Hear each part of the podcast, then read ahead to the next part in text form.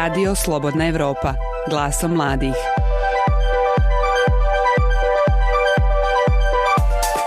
Sredinom mjeseca Vrhovni sud Sjedinjenih država donio je odluku prema kojoj je zakonom zabranjeno otpuštanje zaposlenika na osnovu njihove seksualnosti.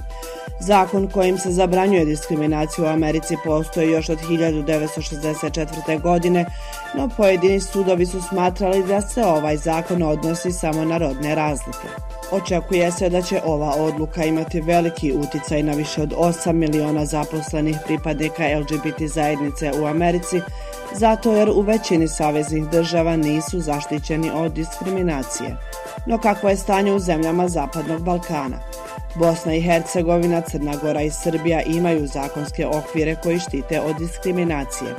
Ali postavlja se pitanje koliko se sam zakon provodi koliko su pripadnici i pripadnice LGBT zajednice zaštićeni na radnom mjestu, da li se osjećaju sigurni da otkriju svoju seksualnost i koliko su naša društva podložna stigmatizaciji manjinskih grupa.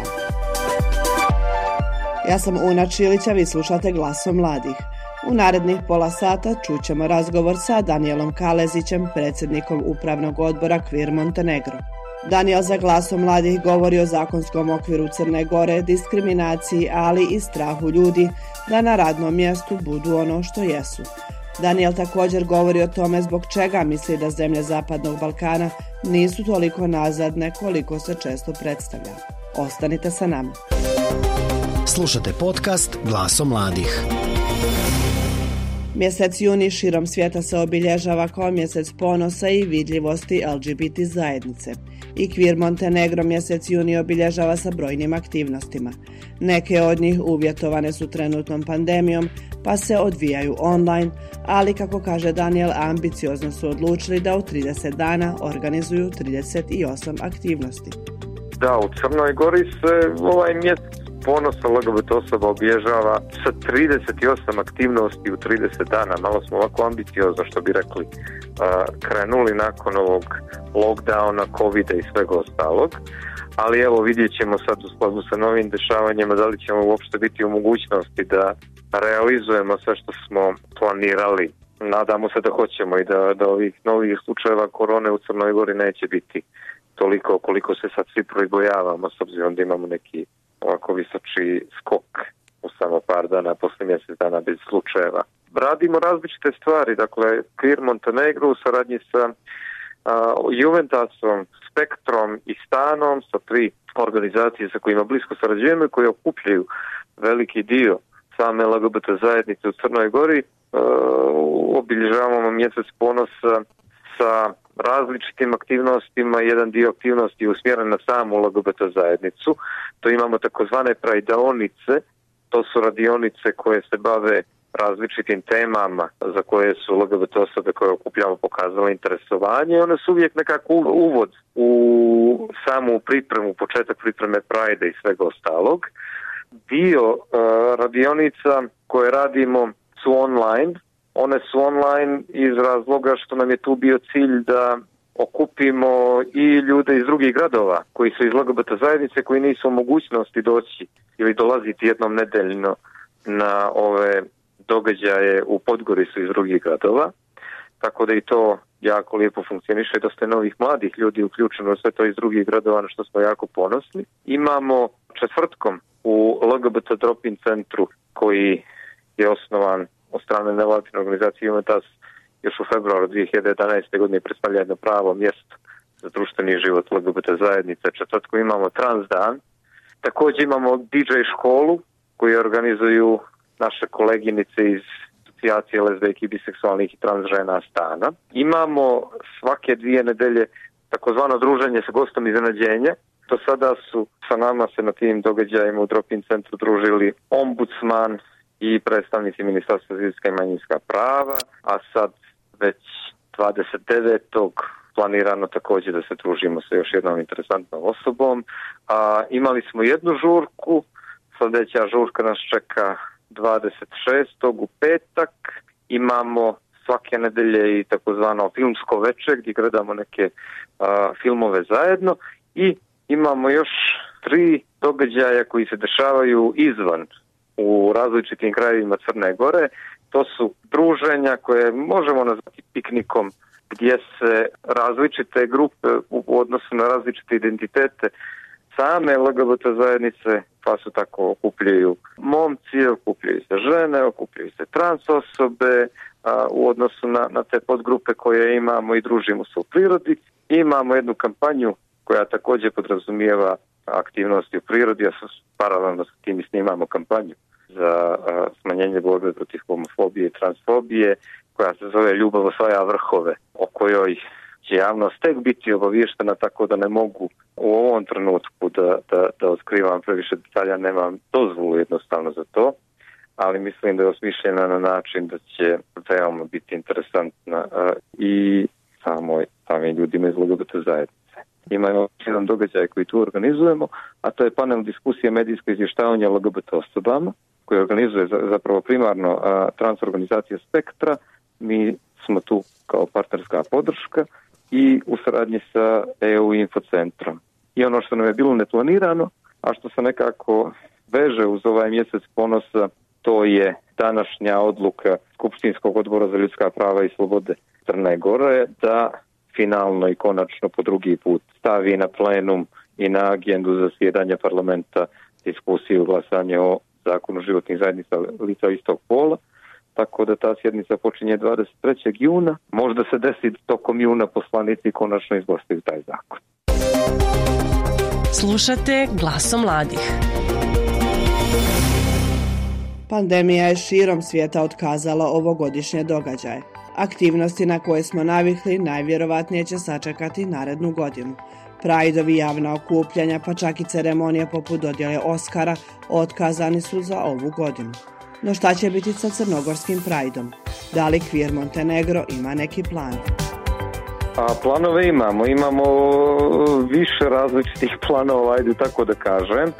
Finalno na koji način će se Pride desiti, kada će se desiti i sama šetnja i prateći program, pošto Pride podrazumijeva mjesec dana različitih aktivnosti, od kojih je šetnja samo finale i jedan događaj. A, zavisit će koji ćemo model odabrati od toga kako će se razvijati ova situacija sa COVID-19 epidemijom. A, imamo više planova, imamo ono što se kaže svaki plan razrađen, ali su nam još uvijek kao i mnogim drugim ljudima u, u, u puno različitih oblasti, odnosno generalno u svemu što, tiče, što, što se tiče javnih okupljanja, javnih događaja, potpuno svezane ruke. Jer krenemo jedno, a onda se desi nešto pa se uvedu neke nove mjere pa moramo sve da radimo drugačije. Tako da smo odlučili još malo da sačekamo da vidimo kako će se odvijati situacija, onda ćemo donijeti konačnu odluku. Na kraju krajeva ono što je neka opcija koja je definitivno sigurno u svakom scenariju a, a, u odnosu na COVID-19 epidemiju je da sve to može biti online. Jedino nam je to ono što se kaže u potpunosti izvjesno kao opcija. Sve ove ostale opcije nam i dalje nisu uopšte izvjesne, zato što ne znamo kako će se jednostavno odvijati situacija. Vidimo da je globalno da su skoro svi prajdovi otkazani ove godine kao i sva javna okupljanja. Mada kako je krenulo, ne bih da ono što se kaže zvučim pesimistično, ali boga mi imali smo mjesec, mjesec i po dana bez slučajeva u Crnoj Gori, onda smo imali jedan, pa još jedan slučaj, pa juče sedam, to je za naše prilike i za naše broj stanovnika prilično velik skok. Da li će uspjeti da iskontrolišu ili ne, ja mi se iskreno nadamo da hoće, jer naš zdravstveni sistem se pokazao prilično onako u tom smislu uspješni tokom prošlog prvog ovog talasa, evo mi već imamo ovaj drugi, ali vidjet ćemo svakako.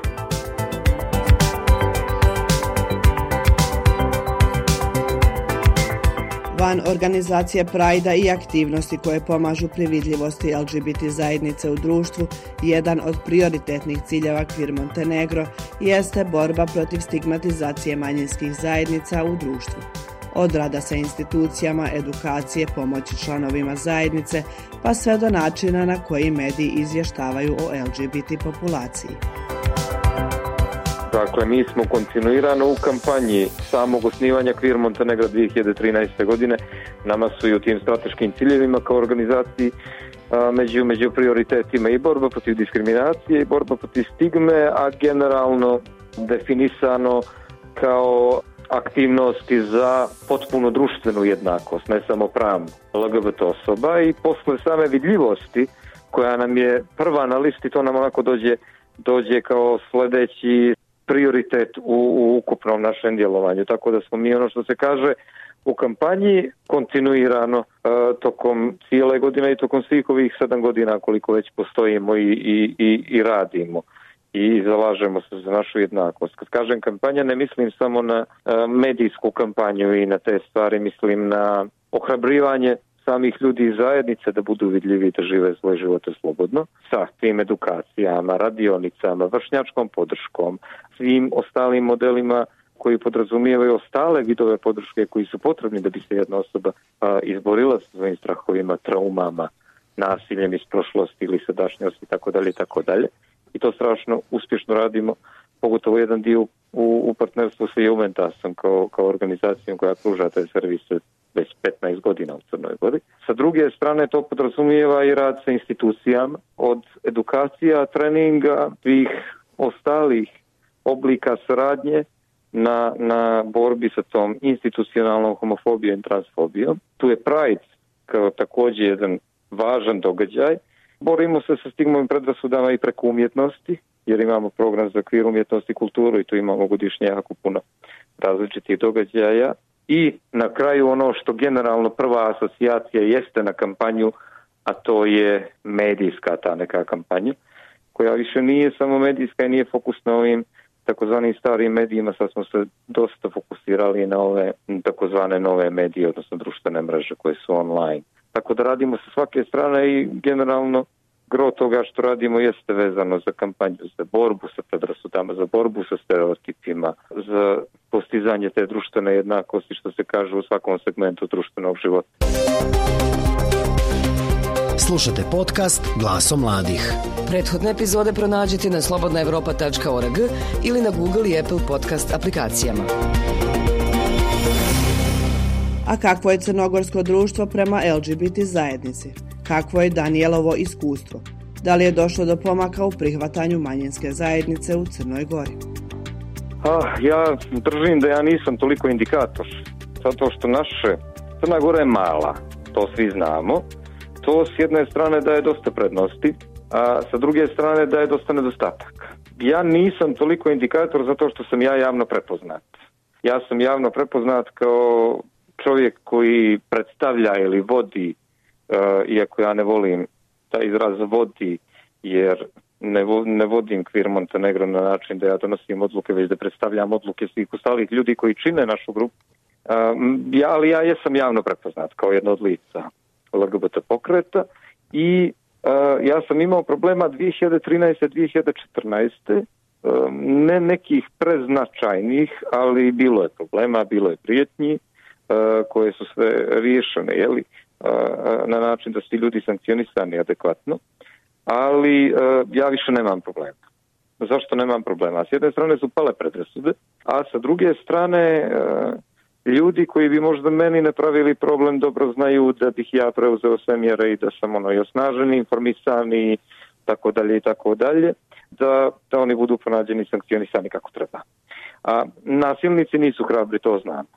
Nasilnici su ljudi koji su nehrabri i koji to nasilje najčešće vrše na podmukao način, odnosno dobro proračunato kako da ne budu procesuirani i kažnjeni, što znači da su vrlo svjesni da to što rade a, ne treba da rade to dosta govori o njihovom profilu kao osoba i o vrijednostima koje oni njeguju, naravno. Tako da se uglavnom a, fokusiraju na one za koje procijene da nisu baš ohrabreni i da neće to prijaviti. Znate, zato kažem da ja nisam indikator. Indikator su a, ne autovane lezbijke, gejevi, biseksualne i trans osobe koje žive skriveno ili su prilično malo autovane, nisu autovane svim svojim prijateljima, porodicama i koji žive u strahu da će neko otkriti a, njihov, njihovu seksualnu orientaciju ili rodni identitet. Ti ljudi imaju puno problema. Dakle, kad govorimo o stanju, moramo da pođemo od toga. Tako da nije situacija. Situacija je bolja nego prije 10 godina, značajno je bolja. Ali šta misliš, ljudi... šta je, šta je uticalo Aha. na to da bude bolje? Pa uticale su sve aktivnosti koje su rađene. Uticalo je to što smo mi kao zajednica pokazali da ne prihvatamo nasilje, da ne prihvatamo neslobodu, da želimo društvenu jednakost, a međusobno se podržavali, ohrabrivali, širili taj broj ljudi koji žive i tako i taj broj je sve veći i veći i onda kad ta druga strana vidi da preko puta sebe ima neko ko ne odustaje, u tom smislu onda počne se povlači. Ali sa druge strane ima još jedna, jednako ako ne više značajna stvar, a to je da sa porastom naše vidljivosti u svakodnevnom životu, u društvu, ljudi koji imaju negativne stavove prema nama, imaju predrasude prema nama, a koji nikad nisu imali u ono životnu, realnu situaciju susreta sa nama, razgovora sa nama, gaje svo to mišljenje i predrasude na zasnovano samo na nekoj imaginaciji. Onda kad nas upoznaju, kad nas vide konkretno, shvate da sve to u što su vjerovali zapravo nije tačno, shvate da smo mi ljudi kao svi ostali i tada dolazi do promjene. Tada počinju da nas prihvataju. I sva istraživanja generalno svuda u svijetu to potvrđuju da a, svi ljudi koji nisu homofobični ili transfobični zapravo imaju iskustvo direktnog kontakta sa nama. Strah se rađa od nepoznatog, kaže Daniel, ali on ipak ne bih, kako kaže, podcjenjivao kapacitet ljudi u zemljama Zapadnog Balkana da prihvate LGBT osobe. On kaže da iako Balkan jeste tradicionalan, dok se cijeli svijet mijenjao i prilagođavao, ovaj prostor je bio žarište ratova. Strah se javlja generalno od nepoznatog.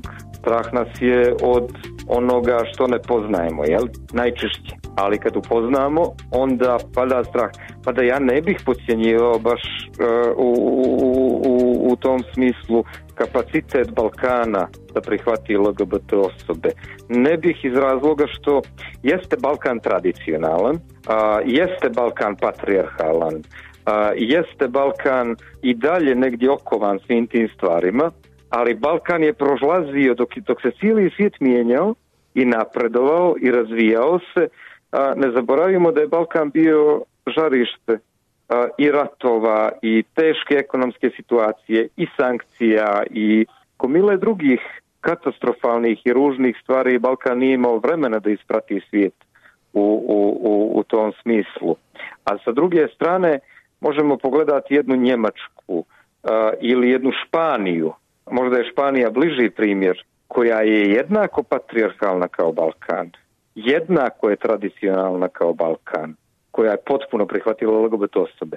Tako da mislim da u tim nekim osnovnim vrijednostima tradicionalnog zapravo leži jedna stvar koja na kraju dovede do prihvatanja, a to je da bez obzira na sve početne otpore i sve ostalo, negacije, odbijanja, nasilja, sve ostalo, nekako ta ljubav i podrška koja dolazi iz porodice, koja jeste karakteristika tih nekih društava koje u svom bitu imaju te tradicionalne negdje vrijednosti prevagne. Španija je po meni odličan primjer u tom smislu da je ipak na kraju ta podrška porodice najbitnija i da to nekako se potpuno u jednom trenutku samo izokrene.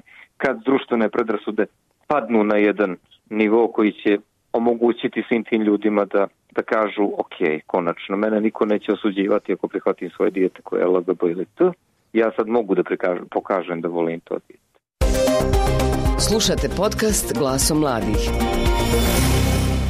Kada se radi o problemima sa kojima se suočava LGBT zajednica, kako u Crnoj Gori, tako i u ostalim zemljama Zapadnog Balkana, najčešće se govori o slučajevima nasilja, medijskom izvještavanju, kao i oblicima zlostavljanja. No veoma rijetko govorimo o svakodnevnim problemima sa kojima se pripadnik ili pripadnica bilo koje manjinske zajednice susreće svaki dan u društvu koje ima predrasudne pretenzije. Tu su problemi pri zapošljavanju, odlasku u školu, obavljanju svakodnevnih aktivnosti koje za manjinsku zajednicu mogu biti otežane. Nedavna odluka Vrhovnog suda u Sjedinjenim državama proglasila je nezakonitim otpuštanje na osnovu seksualne orijentacije. Šta misli Daniel koji kaže da Crna Gora ima veoma dobro zakonodavstvo? Da li je zakon dovoljan?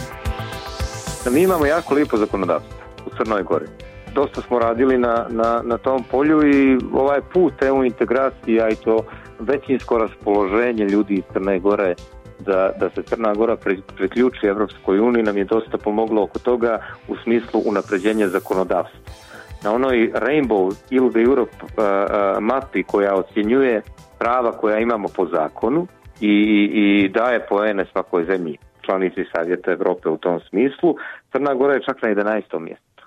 Znači pred vrhu liste. Ali to je na papiru.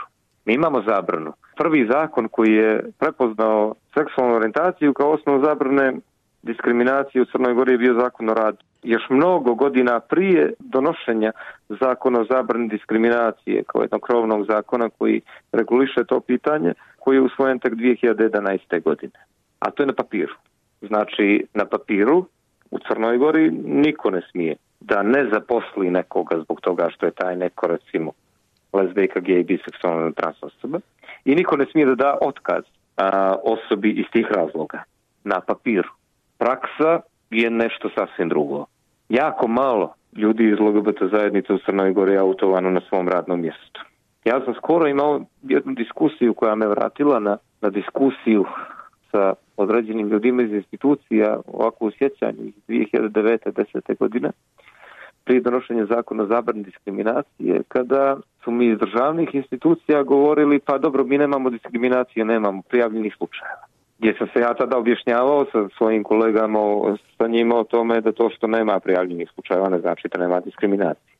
E sad se vraćamo na drugo polje, na polje rada, radnog mjesta, zapošljavanja, ponovo, jer Kvir Montenegro upravo sada negdje u ovom periodu i pokreće tu priču, jer je došlo vrijeme da otvorimo za pitanje. Imamo diskusije, naravno, u odnosu na pripreme aktivnosti i sve, sve ostalo što planiramo da radimo sa različitim tim nekim donosiocima odluka. I onda mi se ponovo desilo da mi jedna osoba kaže, pa dobro, nema diskriminacije kod nas na radu jer nema prijavljenih slučaja. I onda sam ja pitao tu osobu, ok, koliko znaš generalno ovako ne ljudi koje ti lično poznaješ, nego da imaš informaciju da koliko LGBT osoba na svom radnom stolu ima fotografiju sa svojim partnerom partnerom. Pa ne zna. Na desktopu računara, laptopa, na telefonu, na radnom mjestu, jel? Koliko znaš ljudi koji na pauzi dok izađete iza, jel? Da zapalite cigaretu ili da pijete kafu ili dok što god, dok pričate ponedeljkom kako je ko proveo vikend, da, da vam kaže E super mi je bilo s momkom, za vikend bili smo, ne znam, na Dubojan. Pa kaže ne znam. Pa da ne znaš i nemamo slučajeva ljudi nisu autovani na radnom mjestu jer ih je strah da će izgubiti posao ako to urade. To je poenta. Naravno da imamo puno LGBT osoba koje rade, svi radimo, osim onaj procenat, ajde da kažem, koji je nezaposlen, koji spada u onaj procenat opšte populacije koji nema zaposlenje ili onih koji studiraju ili uče. Svi nekad moramo raditi, jel? A autovani su samo oni koji rade u nevladinim organizacijama koje su jeli, percipirane kao bezvjedno mjesto za LGBT osobe i u još par nekih profesija. Mi nemamo autovane ljude koji rade, imamo u nekoliko ovih internacionalnih kompanija koje imaju strašno dobre interne antidiskriminacione politike, pa ti ljudi znaju da im niko ne smije ništa ni pomisliti da kaže. A ovako generalno nemamo. Nemamo jer ljudi nisu autovani. A kad nisu autovani, oni na taj način iako to tako ne bi trebalo, sebe štite od diskriminacije, jer im se diskriminacija neće desiti jer im niko ne zna ništa. Ali se vraćamo na ono da ti ljudi nisu slobodni. Ja nisam bio slobodan dok se nisam autovao. Iako sam u jednom trenutku gajio i ja sam, što je potpuno normalno jer sam to radio iz straha, da ću izgubiti sa što imam u životu od porodice, prijatelja, pa radnog mjesta i ostalog nekad. Što je potpuno razuman strah. Bio sam tada ubijeđen da tako izbjegavam probleme. Evo poći ću od sebe u tom smislu. Nisam se ni ja, namjerno se nisam autovao da bih izbjegao problem. Ono što mi treba da radimo kao društvo jeste da stvorimo uslove da svako može da se autuje svuda, pa i na svom radnom mjestu. Mi na tom radnom mjestu provodimo pet ili šest dana nedeljno po 8 do 10 sati. To je dobar dio našeg života. Slušate glasom mladih. Daniel se slaže da uprkos zagovaranju nevladinih organizacija, zakonima o zabrani diskriminacije koje postoje i u Crnoj Gori, Bosni i Hercegovini i Srbiji i dalje postoji mnogo toga što treba da se uradi. Trebamo da radimo vjerovatno više, treba da radimo ozbiljnije i ipak za neke promjene. Vidite, ja sam gej muškarac. Ja želim da ja mogu da živim slobodno da svi ljudi koji dijele moju seksualnu orientaciju ili koji jesu iz LGBT zajednice u ovom trenutku možemo ono što se kaže od ove sekunde da živimo potpuno slobodno. Ali s druge strane, ono što me život naučio i što me posao naučio da neke promjene nisu moguće da dođu preko noći. Mislim da treba da radimo puno više i da treba da radimo puno snažnije i da će te promjene doći brže. Ja ne mislim da dolaze sporo, bez obzira što mi svi želimo da one dođu odmah istog trena i tako dalje i tako dalje, ali ako pogledamo borba za pravo u Americi je počela prije 50 godina, prije 51 godinu. Na 28. jun će biti 51 godina. Posle 51 godinu u Americi je došla odluka Ustavnog suda da su LGBT osobe zaštićene na radnom mjestu. Borba u, ne znam, u Holandiji, u a, Belgiji, u Španiji, u Njemačkoj je počela mnogo, mnogo, mnogo nego što je počela borba a, kod nas. A na Balkanu se negdje aktivno radi unazad deset godina. Ja ću reći tek. Iako opet kažem, ja lično sam naučio da imam to negdje strpljenje, razumijevanje kroz život i posao. A moja potreba jeste kao potreba svih ostalih ljudi zajednice da živim potpuno slobodno i da imam jednaka prava istog trena. A to je jednost, nažalost, zahtijeva neđe vrijeme, a koliko će to vremena na kraju biti do te neke pune jednakosti zavisi isključivo i samo od toga koliko ozbiljno radimo svi. I država i nevladine organizacije, a i koliko ozbiljno mi koji smo LGBT osobe, a nismo aktivisti i aktivistkinje, a jesmo autovani svojim primjerom doprinosimo drugim ljudima iz zajednice ona da, da mogu da se sloboda i da vide da je moguće živjeti slobodno. I što nas je više vidljivo, to brže padaju proces. Za kraj, Daniel ponavlja da zapadno-balkanske zemlje ne kasne jer su same predodređene da kasne za svjetskim tokovima, već dok se svijet mijenjao, Balkan se suočavao sa drugim unutarnjim problemima. A, ne zaboravimo da od 89. pa sve do ajmo da kažemo završetka onog rata na Kosovu, pošto je sve to Balkan, jel? Svo to vrijeme Balkan je bio jedno bude barut turbulentno koje se bavilo drugim drugim stvarima i koje su mnoge nesreće zadesile. A dok se sve to dešavalo ovdje, a, dok smo mi zbog tih stvari i, i nesreća što se kaže zaostajali, svijet je se užurbano okretao u nekim drugim zemljama i te promjene su se dešavale. Tako da ne kasnimo mi zato što smo mi nešto kao, kao narodi predodređeni da kasnimo, nego smo se samo nosili sa drugim mukama. Ja to tako gledam i to je neko moje mišljenje a da smo imali druge prilike kao svi ostali u tom periodu vjerujem da, da bismo mi sad pričali, ne znam, možda u svim državama o dostizanju bračne jednakosti. Ne smo mi kao narodi još opterećeni ovim stvarima iz prošlosti. Nemojmo se zavaravati da nismo. Nacionalne podjele i to, to sad nekako gori, pogotovo u odnosima Crna Gora Srbija, što je onako a, poslednje ne, ne, nešto što je eskaliralo i što, što, što je ovako grozno i gledati više. Slušate podcast Glaso mladih. Prethodne epizode pronađite na slobodnaevropa.org ili na Google i Apple podcast aplikacijama. To bi bilo sve u ovom izdanju Glaso mladih. Ja sam Una Čilić, a vi ste slušali razgovor sa Danielom Kalezićem iz Crnogorskog udruženja Kvir Montenegro. A vi ostanite i dalje sa nama. Ukoliko ste propustili prethodne epizode našeg podcasta, možete i pronaći na našem sajtu ili na podcast aplikacijama. Naše druge sadržaje također možete pronaći na slobodnaevropa.org, kao i na društvenim mrežama Facebooku, Twitteru, Instagramu i YouTubeu. Sa vama smo i naredne sedmice. Doviđenja.